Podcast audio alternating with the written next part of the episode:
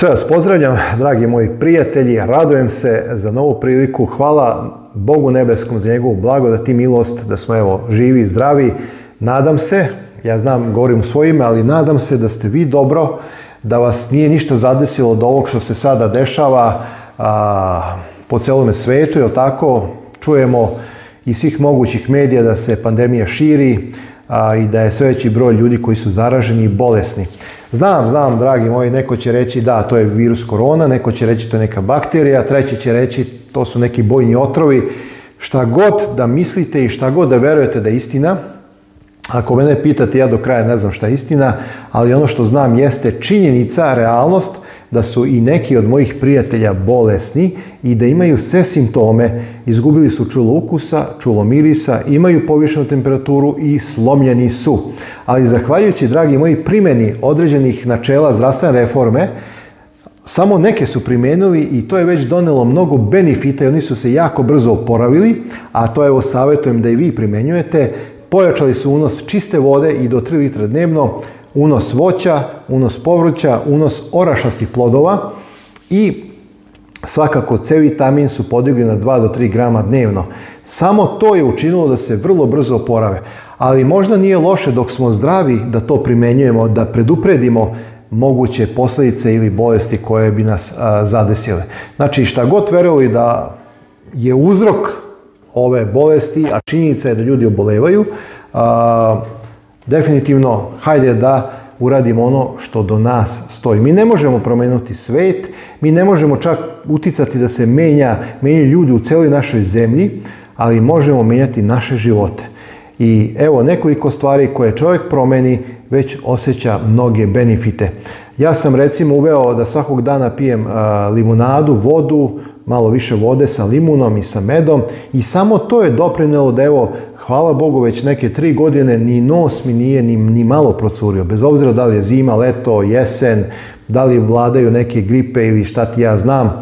Evo, samo jedan mali korak, pa mnogo to toga znači. Ali ajde, to je sada neka druga tema. Mi idemo u proučavanje onoga što sam pripremio za vas. Znači, želim da dobijete nekoliko ključnih odgovora na važna suštinska pitanja. Prvi odgovor koji ćete dobiti jeste, na pitanje jeste zašto danas postoji u svetu toliko mnogo hrišćanskih crkava. Šta se to desilo da bi se taj fenomen pojavio? Sa druge strane vidjet ćete da Isus ne može da se vrati po drugi put na oblacima slave dok se nešto ne desi u hrišćanstvu, dok ne dođe do, do neke obnove. Šta to treba da se obnovi? Pa samo da vas podsjetim, evo i 31. oktobar mi idemo u susret reformaciji, obeležava se dan reformacije. I šta je to reformacija? Šta je reformacija žela da reformiše unutar crkve? Šta se to desilo unutar hrišćanske crkve? Pa su određeni ljudi koje verujemo Bog podigao želi da vrate na onu platformu gdje je postavljena prvobitna istina. Sama reč i protestantizam znači da su protestanti protestovali protiv određenih a, E, iskrivljenja i devijacije unutar hrišćanske crkve. Evo, to su samo neka od ključnih pitanja koje ćemo postaviti i verujem dobit ćete odgovore, zadovoljavajuće odgovore u ovoj emisiji. Zato vas evo, želim zamoliti da ispratite ovu emisiju do samoga kraja. U knjizi proroka Joila u drugom poglavlju kaže da svaki koji prizove ime gospodnje da će se spasiti i ostatku koji prizove ime gospodnje. Inače, ideja ostatka provlači se kroz celu Bibliju. Bog je uvijek imao ostatak kojem je bio veran. Nekad je to bio veći broj, nekad manji broj, ali ideja ostatka je jako bitna i za naša posljednja vremena, jer ostatak će završiti propovedanje evanđelja a, koje će se dešavati pre nego što se Isus Hristos pojavi na oblacima slave. Ovdje u Jodu se spominje ostatak. E, recimo nekoliko tekstova ranije kaže i sunce će se pretvoriti u tamu i mjesec u krv pre nego što dođe veliki strašni dan gospodnji, a u ostatku će se, jel tako, prizvati ime i on će se spasiti. Ako recimo čitate otkrivenje 12. E, poglavlje, 17. stih kaže razgini se zmija na ženu, otide da se pobije sa ostalim semenom njezinim koje drži zapovesti Božje i ima svjedočanstvo. Znači poseban predmet mržnje ove zmije koje sam đavo, tako koje, koja deluje, koji preko ljudi, jeste ostatak. Zašto? Zato što taj ostatak ima veru Isusa Hrista i drži zapovesti a, Božje. Zapamtite, ovaj model bit će nam jako bitan u ovom proučavanju. Kada smo čitali knjigu proroka joila rekli smo sunce će se pretvoriti tako dalje. Ove znake sam obradio u mojoj prvoj temi posljednje vremena gdje sam pokazao da se sve ovo već desilo i da mi živimo na kraju šestog pečata. Pre nego što se otvori sedmi pečat, Isus Hristos dođe na oblacima slave, jer se sećate, kada se otvara sedmi pečat, postaje tišina na nebu. I to, tu tišinu sam također objasnio šta znači. Hajde da krenemo sa proučavanjem, da postavimo neka pitanja i da vidimo kako će nas Duh Sveti voditi kroz uh, ovo što sam spremio. Samo jedna digresija. Moj stav je, ja se uopšte ne opterećujem, dragi moji, šta će drugi reći. Moj otac je bio pravoslavac, majka katolkinja, ja sam izabrao neki treći put, ne zato što mi se tako htelo, nego zato što sam seo, bio sam u konfuziji, bio sam zbunjen i rekao sam ovako, oče sveti, ja želim da ti služim, ali ja sam zbunjen. Jedni pričaju ovako, drugi pričaju onako. Jedni kažu ovo je istina, ovi kažu ona istina. Ja sam bio zbunjen. Onda sam odlučio da ću po prvi put u svom životu pročitati Bibliju. Kada sam pročitao Bibliju, toliko sam je zavoleo da sam i u startu odmah shvatio šta je ono što danas postoji u hrišćanskoj crkvi, a što nema nikakve veze sa Hristom, sa a, učenjem apostola Isusa Hrista i sa onim što piše u Bibliji. Čak šta više, našao sam mnogo stvari koje su bogohulne u odnosu na ono što očekuje sam Gospod Isus Hristos. Ja kažem, ovo je moj stav, ne mora biti vaš, ali mene ni najmanje ne zabrinjava, niti se opterećujem šta će reći drugi ljudi ako ja odlučim da promenim neku svoju vjeroispovest da bi se uskladio sa voljom Božjom, a ne po svaku cenu da ostane u nekoj crkvi iako vidim da ona i tekako od, odlazi, odstupa od osnovnih načela koje uči Sveta Božja reč. Vi morate doneti odluku za sebe. Ja želim da ono što sam proučavao podelim sa vama, a neka vas, dragi Moji duh sveti vodi i osvedoči da li je ono što pričam istina ili nije. Svako ima izbor za sebe. Hajde da krenemo sa proučavanjem. Šta mislite, zašto danas u svetu postoji preko 2000 crkava? Naime, u jednom trenutku u jedan grad doselio se jedan uticajan bogati čovek, posjetio je bogosluženje u jednoj crkvi i na kraju bogosluženja prišao je sveštenik koji pitao da li je ovo najpopularnija crkva u vašem gradu. Sveštenik je bio iznenađen njegovim pitanjem, a onda je rekao, dobro, zašto ste me to pitali? A ovaj uticajni bogati čovjek je rekao, ja sam biznismen i mene interesuje gdje idu najbogatiji ljudi u ovome gradu da bi stvorio i stekao određena partnerstva za svoj posao. Druga stvar koja je zanimljiva jeste zašto se ljudi pridružuju nekoj crkvi. Vršena je anketa i u toj anketi uglavnom su ljudi rekli da idu u neku crkvu zato što su u nju išli njihovi roditelji, bake i deke. Neki su rekli da idu u određenu crkvu zato što u toj crkvi peva neki dobar ili lep hor. Neki su rekli da posećuju neku crkvu zato što u njoj postoji propovednik koji jako dobro propoveda. Treći su opet rekli da odlaze u određenu crku zato što je ona najbliža njihovoj kući i tako dalje i tako dalje. Ono što je ključno jeste koji je jedini razlog zašto treba da posećujemo određenu crku. U Jovanu 17.17 17 tekst kaže svetih istinom svojom, reč je tvoja istina. Dragi moji, jedini razlog zašto neko treba da odlazi u neku crku jeste da veruje da ta crkva svedoči istinu i da se u njoj propoveda ona izvorna reč Božja koja nam je ostala od naše gospode Isusa Hrista i od apostola. Postoje se sljedeće pitanje koja je prva crkva? Zanimljivo je kada čitamo dela 7. poglavlja 38. i 53. stih da saznamo i dobijemo odgovor na ovo pitanje. Ovo je onaj koji beše u crkvi u pustinji s anđelom koji mu govori na gori Sinajskoj i s ocima našim koji primi reči žive da ih nama da. Zanimljivo je, dragi moji, koristi se izraz crkva, eklesija u pustinji, a reč je svakako o starozavetnoj crkvi. I mi vidimo da je Bog prilikom izlaska izraelskog naroda iz robstva ustanovio prvu crkvu na gori Sinajskoj, dao im je zapovesti Božje, on je ustanovio sistem kako dolazi do oproštenja greha. Sećate se, to je bilo starozavjetna svetinja. Mesto gdje su se prinosile žrtve, gdje se prolivala krv i gdje je dolazilo do oproštenja greha. I sad ovdje zapažamo platformu na kojoj se nalazi Izrael kao prva crkva. Ono što možemo odmah primetiti jesu Božje zapovesti. Vi se sećate, Mojsije silazio sa gore i predao je izraelskom narodu Bože zapovesti koje je Bog pisao svojim prstom. Kada čitamo dalje Dela 7.53, Biblija nam kaže koji primiste zakon naredbom anđelskom i ne održaste. Znači oni su primili zakon, ali nisu održali.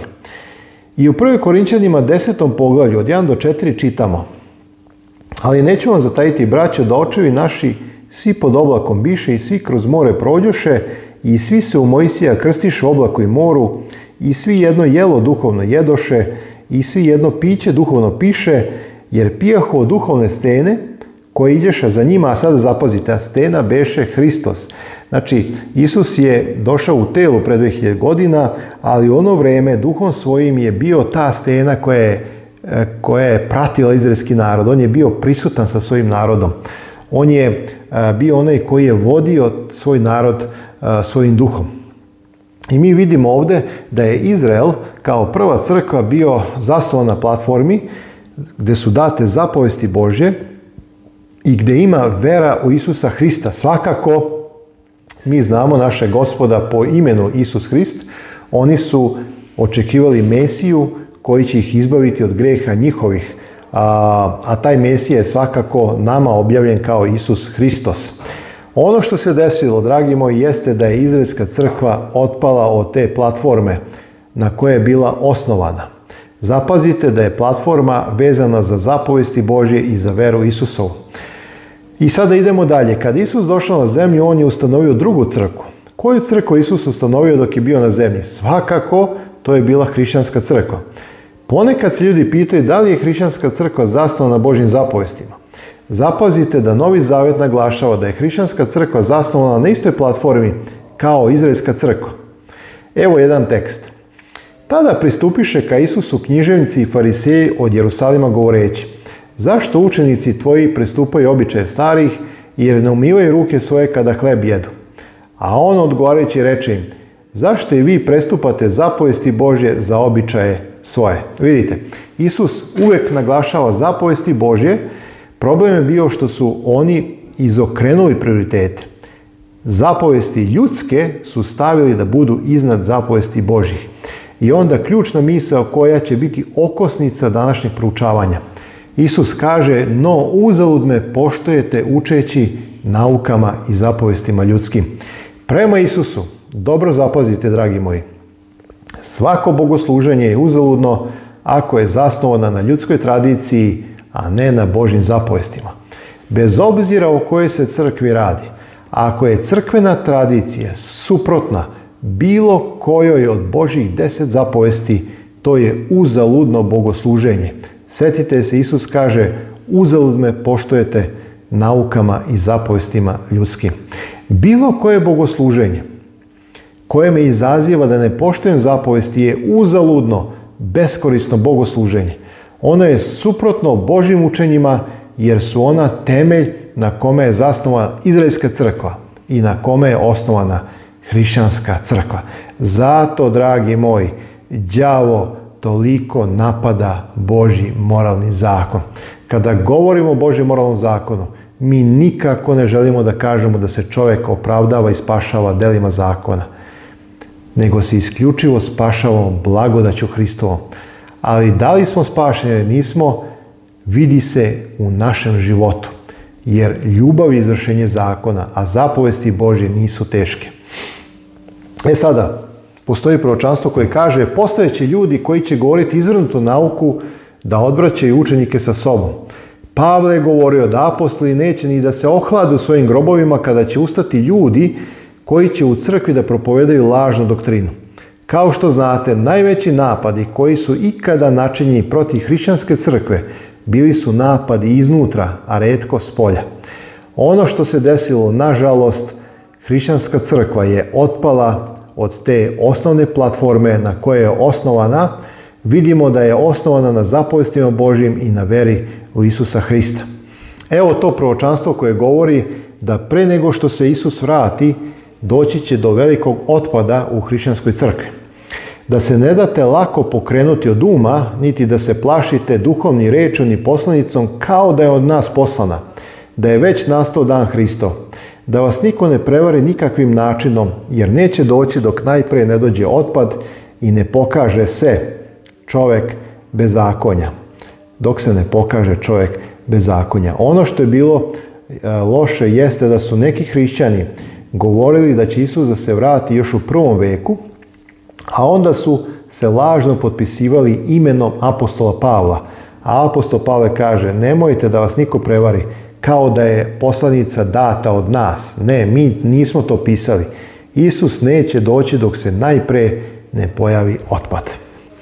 I evo, dragi moji, čovjek bez zakonja je odveo u samo dno hrišćansku crku ovo su samo neka od verovanja koja su ušla u vrijeme dok je delovao čovjek bez zakonja. Čovjek bez zakonja nije ljudska osoba, to je sistem koji traje već stotinama godina i vidimo doktrine koje su ušle u to vrijeme, besmrtnost duše, ja sada ne mogu da idem u istoriju preko Tertulijana, Origina i tako dalje, koji su bili nastrojeni grčkoj misli, platonistička ideja besmrtnosti duše, zatim večne muke, ja tako isto ideje potiču iz grčke filozofije, zatim nedelja u časni dan Boga Sunca, Mariologija, obožavanje Marije, ikone, ikonoborstvo, te unose ikone, te iznose, te unose, te iznose i tako dalje.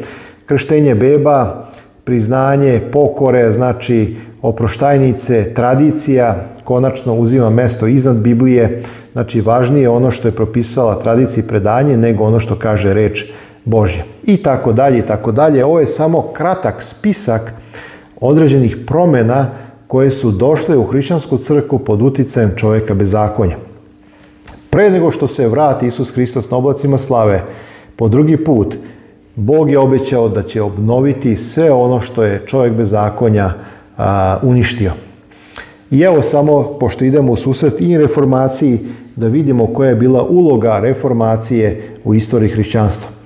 Postojala je tiha reformacija, obično se ona naziva reformacija pre reformacije, valdežani koji su prepisivali određene delove.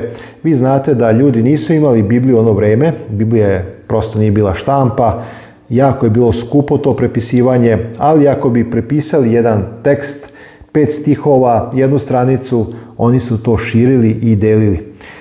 Zatim dolazi vreme kada Bog podiže Martina Lutera, on je pronašao u Bibliji da će pravednik od živ biti, ja ne mogu sada da pričam istoriju, Martin Luther je bio veran čovjek koji je utišavao svoje grehe i grešne prohteve bičevanjem i drugim teškim ritualima, ali kada je shvatio da će pravednik od živ biti i da je Isus taj koji je rešenje greha, on je bio presrećan. zatim Cvingli Ovdje imamo jednu zanimljivu informaciju iz istorije koja nam potvrđuje kako je Duh Sveti saglasan sa samim sobom. Nauka koju je Cvingli propovedao, on nije primio od Lutera. To je bila Hristova nauka. Ako Luter propoveda Hrista, on čini ono što i ja činim. Zapazite ovo. Nikada nisam pisao Luteru, niti on meni. A zašto? Da bi se vidjelo kako je Duh Boži saglasan sa samim sobom jer obojica bez ikakvog neslaganja učimo jedinstvenu Hristovu nauku. Ovo je fantastičan primjer kako Duh Sveti deluje i kako svaki čovjek koji je iskren i koji traži iskreno istinu neće biti u zabludi. Zatim dolazimo do Anglikanske crkve, John Calvin, i on je prihvatio e, motor reformacije, Biblija i samo Biblija i mnoge druge istine koje sada ne mogu da spominjem. Pa onda dolazimo do prezbiterijanske crkve John Knox koji također prihvata mot reformacije Biblije samo Biblija i pravednik će od vere živ biti. Samo da se izvinim svima onima koji odlaze u neke crkve, a ja ih danas neću ovdje spomenuti jer to je nemoguće zbog prostora i vremena, ali mnoge protestantske crkve su također dale svoj doprinos u obnavljanju određenih istina. Ovdje već vidite, dragi moji, tri zasebne crkve, luteransku, anglikansku, prezbiterijansku i mnoge druge koje sad ne spominjem, ali je već ovdje početak odgovora na ono ključno pitanje. Zašto toliko verskih crkava, denominacija i podela? Svako je ostao u svome kredu. Kada je Martin Luther umro, kredo je bio zatvoren.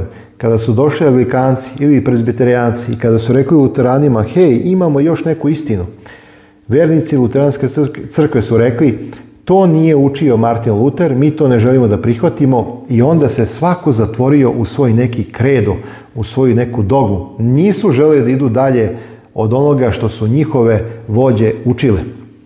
Zatim dolazi, dolaze baptisti, osnivač je John Smith, sećate se knjige Poklonikovo putovanje, toplom preporučujem od John Banjana da pročitate. I ovdje sam stavio rečenicu da se podsjetim koja kaže milostivo je patiti za tako divnu stvar. John Smith je, dragi moji, bio više, neki kaže, od 10 godina u tamnici. A bio je zatvoren zato što je u to vrijeme pronašao biblijsku istinu da ne treba krštavati bebe, nego mladiće i devojke, odrasle osobe koje su svesne, izvinjam se da su grešnici i da im je potreban spasitelj. Kada je došlo do smene papa, papa da bi se e, dodvorio određenim vernicima koji su poštovali Johna Smitha, odlučio da pomiluje njega i da ga pusti na slobodu. Zatim su mu prišli ljudi kad je izašao na videlo dana i pitali su ga, pa dobro, toliko godina zbog jedne doktrine, a on kaže, milostivo je patiti za tako divnu stvar. I sada zapazite oprošteni govor koji je zapisan 1619. godine, pastor John Robinson. Zapazite šta je on izgovorio. Bog bi vam otkrio bilo koju istinu preko bilo kog svog oruđa kada biste bili spremni da je preko mene primite. Ja sam siguran da Bog ima još svetlosti istine da nam otkrije svoje svete reči. Ne mogu da budem dovoljno žalostan zbog stanja u reformisanim crkvama koje su zastale u svojoj religiji i ne žele da idu napred dalje od onoga što su dobili preko oruđe svoje reforme. Evo, dragi moji, zapazite ovo. Luterane ne možeš da nateraš da idu dalje od onoga što je Luter učio. Kalvinisti se čvrsto drže onoga što im je ostalo od velikog Božjeg čovjeka koji nije video sve. To je beda zbog koje treba da žalimo. Iako su u svoje vrijeme bili svetlo videlo, ipak nisu razumeli čita Božji savet. Ali, da su danas živi, bili bi spremni da prihvate dalju svetlost kao što su učinili kada su je prvi put primili. I evo, dragi moji, to je jedan od odgovora zašto je vremenski postojao sve veći broj hrišćanskih crkva. Zatim dolazimo do metodističke crkve. Metodisti braća Vesli su verovali isto što luterani, elikanci, prezbeterijanci, Biblija i samo Biblija i pravednik će od vere živ biti ali oni su otišli jedan korak dalje i rekli mi ne vjerujemo samo u dobar temelj vere, već i u svetost života. Počeli su da naglašavaju promjenu života koju mora doživjeti svaki hrišćanin. Jednom je Vesli bio pozvan na večeru, na sred stola nalazilo se pečeno prase okruženo sa mnogo ostale hrane, a Vesli je bio pozvan da se pobali za obrok. Pognuo je glavu i rekao, dragi gospode, ako možeš da blagosloviš ono što si prokleo, onda te molim blagoslovi ovu hranu, amin. Vesli je verovao ono što Biblija kaže da ne treba da se jede hrana za koju je Bog rekao da je nečista. Inače, dragi moji prijatelji, u 3. Mojsiju 11. pogaju imate spisak hrane koja je čista i koja je nečista, šta je Bog dao da se jede, a šta je zabranio. Nevolja je bilo u tome što su sledbenici luteranske i aglikanske crkve i prezbiterijanske rekli kada su čuli šta Vesli propoveda, Naše vođe nisu to naglasile i zato nećemo to da prihvatimo. Rekli su, vi sledbenici Veslija imate metodu proučavanju Biblije, imate metodu davanju za misije, imate metod skoro za sve, vi ste gomila metodista. I dragi moji, dolazimo i do baptista sedmog dana. Baptisti sedmog dana su ogranak baptističke crkve, ali oni su se odvojili zato što su pronašli da treba svetkovati subotu kao sedmi dan od odmora koji je zapisan u četvrtoj zapovesti. To isto se desilo i u adventističkoj crkvi sedmog dana, zato se i zovu poznatiji kao subotari u narodu, koji su također naglasili e, zapovest za koji se kaže sećaj se dana od odmora, nemoj da zaboraviš jer ona je deo četvrte zapovesti moralnog zakona. Adventisti su naglasili i Hristovu posredničku službu u nebeskoj svetinji nad svetinjama, gdje Isus sada posreduje i moli se za svakog čovjeka pred licem očevi. I evo polako vidite kako je Bog korak po korak e, kroz određene reformatore i vođe i osnivače određenih crkava u istoriji hrišćanstva jednu za drugom istinu vraćao i podizao se prema onoj gornjoj platformi na kojoj je osnovana prva hrišćanska crkva koja drži zapovesti Božje i ima veru Isusa Hrista. Otkrivenje 14.12 kaže ovdje je trpljenje svetih koji drže zapovesti Božje i imaju veru Isusa Hrista. Zašto će sveti trpeti? Pa zato što će biti odbačeni od ovoga sveta, zato što će biti prognani, zato što će svet mrzeti njih jer se drže čiste izvorne biblijske nauke. Evo nas, dragi moji, ponovo na platformi i sada konačno može da se propojeda trostruka anđelska vest, sada može da se najavi skori Hristov drugi dolazak.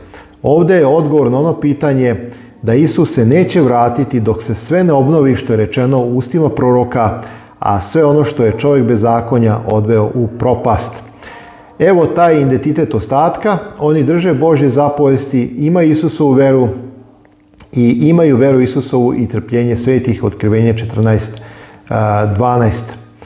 U otkrivenju 22. glavi 14., 16. i 17. stih govore isto. Blago onima koji tvore zapovesti njegove, da im bude vlast na drvo života i da uđu na vrata u grad. Ja, Isus, poslah anđela svojega da vam ovo posvedočim u crkvama. Ja sam koren i rod Davidov, sjajna zvezda danica. I duh i nevesta govore dođi i koji čuje neka govori dođi i ko je žeda neka dođe i ko hoće neka uzme vodu života za badava. I sada, dragi moji, imamo obnovljeno večno evanđelje koje nije zatrovano lažnim naukama i doktrinama koje su se uvukle u periodu čovjeka bez zakonja. Bog je obnovio svoju istinu i sada imamo u rukama večno evanđelje koje treba objaviti, a koje je sadrženo u trostrukoj vesti anđela. Otkrivenje 14.6 kaže i vide drugog anđela gledati posred neba koji imaše večno evanđelje da objavi onima koji žive na zemlji, svakom plemenu, jeziku, kolenu i narodu. Šta on ima ima večno evanđelje. Koje je to večno evanđelje? Pa to je ono što je izašlo iz usta Isusa Hrista. Čisto izvorno evanđelje. U pričama Mudri Solom kaže, a put je pravednički kao svetlo videlo koje se već svetli dok ne bude pravi dan. Evo, želeo sam da vam iznesem ovu predivnu istinu onako kako je pronalazim u istoriji hrišćanstva i u svetoj Božoj reči. I želim da završim sa mislima Bleza Paskala koji je rekao Postoji dovoljno svetlosti za one koji žele da vide i postoji dovoljno tame za one koji ne žele da vide. Dragi moji, svako od vas neka bude vođen duhom svetim i neka donese odluke za svoj hrišćanski život. Ne morate se složiti sa ovim što ja iznosim, ali vas ja pozivam da razmišljate i da tragate za istinom. Neka vas dragi Bog blagoslovi, sve vas, vaše mili i drage, svakom dobro želim, a uskoro se vidimo u novoj emisiji. Amin.